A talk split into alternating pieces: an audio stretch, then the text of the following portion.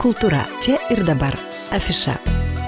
Sveiki, gyvi brangus FM99 klausytojai, studijoje prie mikrofono Eglė Malinauskinė. Na ir laidoje Kultūra čia ir dabar afiša mes imkime ir pasikalbėkime apie kiną. Ne šiaip savo kiną, o apie nepatogų kiną. Festivalis startuoja jau spalio 14 dieną ir tikrai truks ne vieną dieną, tad verta apie tai pakalbėti, jo lab, kad ir programa kino tikrai yra plati, gausi. Tad šiandien mes apie tai kalbėsime su nepatogaus kino festivalio vadovu Gediminu Andriukaičiu. Labadiena, gerbiamas Gediminai. Sveiki. Labai malonu, Gediminai, jūs girdėti. Ir štai ruduo įsibėgėjo, įpusėjo, nepatogus kinas atkeliauja pas žiūrovą, startuojate.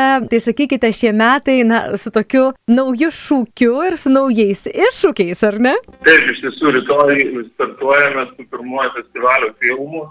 Ir jūs labai teisingai pastebėjote daug naujovių šiais metais. Ir aš ypatingai džiaugiuosi, kad mes, na, pirmą kartą festivalio istorijoje visus Lietuvos žiūrovus kviečiame pasižiūrėti festivalio atidarimo filmo ir jį jau rytoj vakare LRT Plus mes parodysime visos Lietuvos žiūrovams. Taip, kad tikrai yra e, neįlinė diena nepatogaus kino festivaliui, pirmą kartą atidarome ir iš tiesų, iš tiesų visus kviečiu e, žiūrėti šį filmą e, Elito kine.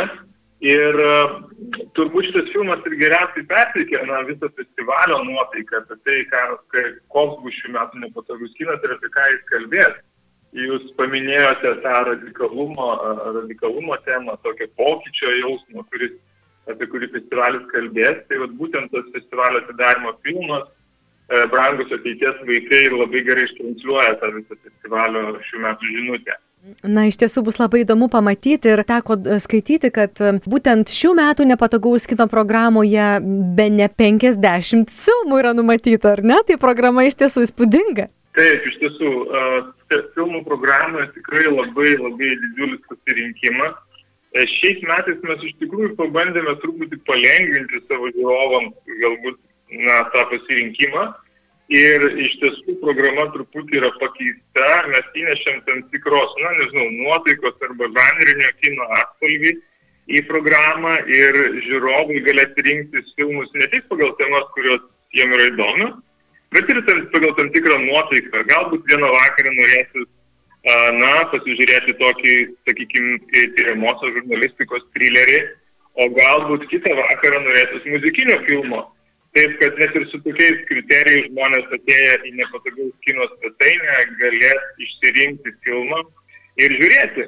Ir turbūt labai svarbu paakcentuoti, kad, na, nepatogus kinas grįžta šiais metais a, tiek į kino sales, tiek ir į virtualią kino salę. Taip, kad visi, visi festivalio filmai pasiekimi tiek iš namų ekranų, na, o tie, kas pasilgo didžiųjų kino teatrinių ekranų, tai mes į, į didžiuosius E, didžiųjų miestų kino teatrus atvežant taip pat savo didelę dalį programų. Štai jūs labai gerą temą palėtėte. Aš iš tiesų, laukdama nepatogaus kino, žiūrėjau, kadagi bus Alitoje Dainavos kino teatre? Ir nepamačiau, bet skaičiau, kad galima bus apsilankyti Lietuvos Jurgio Kunčino viešoje bibliotekoje, ten bus prisijungimai. Ir šiais metais, na tikrai, pokyčių yra. Tai sakykit, kadangi Dainavos kino teatre pas mus nebus rodoma, tai Alitiškiai Lietuvos pietų regionas, kurie mus girdi, na, tai ką reikėtų žinoti, norintiems pasižiūrėti? Būtent nepatogaus kino filmų filmus?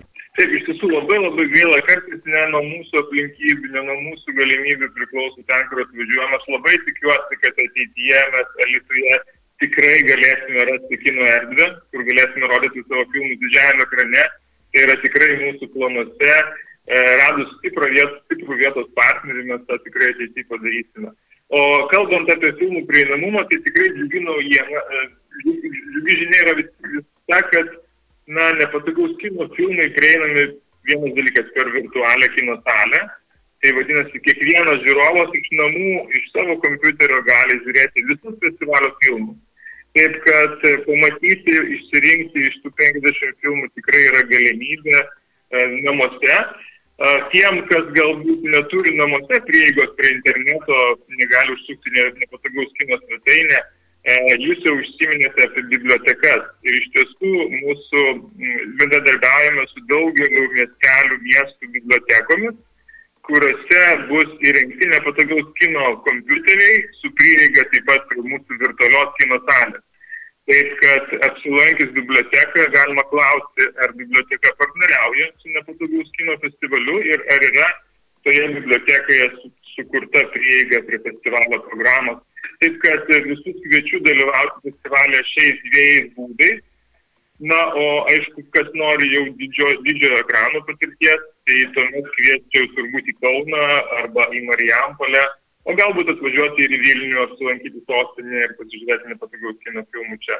Na, iš tikrųjų galvoju, kad e, savotiškai ir įsprendėte tą problemą tokio ir visuomenės susi, susiskirstimo, tokio susipriešinimo, kad, na, vieni turi tos galimybių pasus, kiti neturi, vieni gali sudalyvauti, kiti negali, tai čia dabar jau prieinama visiems, ar ne, be jokio, be jokio mm, papildomo. Mm. Iš tiesų, tai vienas turbūt mūsų pagrindinis siekiai yra ta, kad ta, na, rinktinė nepatogaus kino programa, ties kuria dirbama visus metus, kuris suformuojama iš didžiųjų svarbiausių pasaulio dokumentinių filmų festivalio, kad šita programa būtų prieinama na, kuo platesniam ratui žmonių. Ir iš tikrųjų ta tokia pandemija mums suteikia įrankius, ta mūsų jau minėta virtualią kino salę, kuri leidžia žiūrėti kiną bet kur, iš bet kurios tos vietos. Žinoma, didžiajame ekrane tokius filmus ypatingai malonu žiūrėti nes kartu kūrėme erdvę ir diskusijoms, susitikimams, filmų aptarimams. E, taip kad e, ta virtualioji kino salė, žinoma, papildo festivalio tokį, tokią patirtį.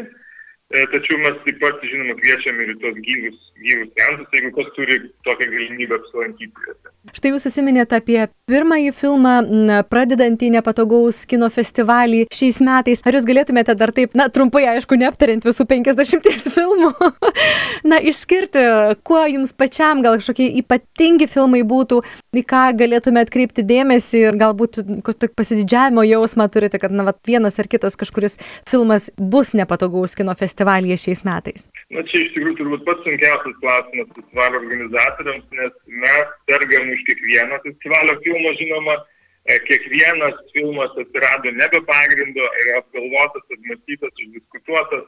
Žinoma, visi turim savo, savo mm, nežinau, pomėgius, savo temas, kuriomis domimės. E, aš aišku rekomenduočiau žiūrovams arba rinktis pagal tam tikrą savo nuotaiką, jau minėjau, yra tokie filmai, e, tarkim, labiau mes juos vadinam aukštos įtampos filmai, tokie trileriai, tremos žurnalistikos darbai. Yra filmai apie įkvepiančius uh, asmenis ir kartais asmenys yra tiesiog mūsų kasdienybės, e, kasdienybės dalis. Ir mes netgi savo rubrikoje, savo festivalio programoje turim tokią rubriką kasdienybės superherojai kur yra tokie, na, gan įprasti žmonės, netikėtai tapę, tapę išskirtiniai. Tai tarkim, filmas, kurį tikrai galėčiau išskirti, yra mm, e, puikus, puikus filmas apie mm, e, moteris, kurios patiria, na, tokią prievartos kultūrą Meksikoje. Filmas vadinasi Kovotojos ir pasakoja apie moteris, E, kurios e, užsiema tokios, tokia, tokia sporto rušimi, imtynėmis, bet kartu jos ir kovoja prieš tam tikrą patriarchalinę santvarką, prieš jos, prieš tokį e, e smurtą lyties pagrindų Meksikoje, kur ši problema yra tikrai labai didžiulė. Man asmeniškai vienas tokių pačių, pačių paveikiausių galbūt šių metų filmų ir labiausiai traukiančių, tai filmas iš mūsų radikalumo programos E, pavadinimu Drasa. Tai filmas, kurį, manau, kad, e, kuris bus artimas tikrai daugeliu žiūrovų, kadangi pasakoja apie mūsų kaimininės šalies, Baltarusijos realybę. E, režisierius praeitais metais iš labai arti filmavo e, Baltarusijoje vykstančius protestus ir pateikė tokį tikrai gilų, gilų tų, tos protestuojančius visuomenės paveikslą. E, taip, kad tikrai mes siūlau nepraleisti būtent šio filmo. Na, o dar galėčiau skirti ir tai, kad netgi du lietuvių režisierių filmai taip pat yra pristatomi nepatogaus kino festivalyje. Vienas iš jų, e, premjera jo įvykti jau šį penktadienį, tai filmas Būsiu su tavimi. Iš tikrųjų, tai yra labai, labai gražus, šiltas filmas apie dvi moteris, dvi tokias tikrai labai charizmatiškas herojas, kurios dirba tokia labai sunkioje temoje ir savižudybių prevencijos temoje. Tai tokia be galo svarbi Lietuvai tema. Ir kas tikrai yra be galo paveiku ir gražu, kad šis filmas, na, jisai yra labai šviesus, labai e, empatiškas, nepaisant to, kad tema tikrai labai sunki.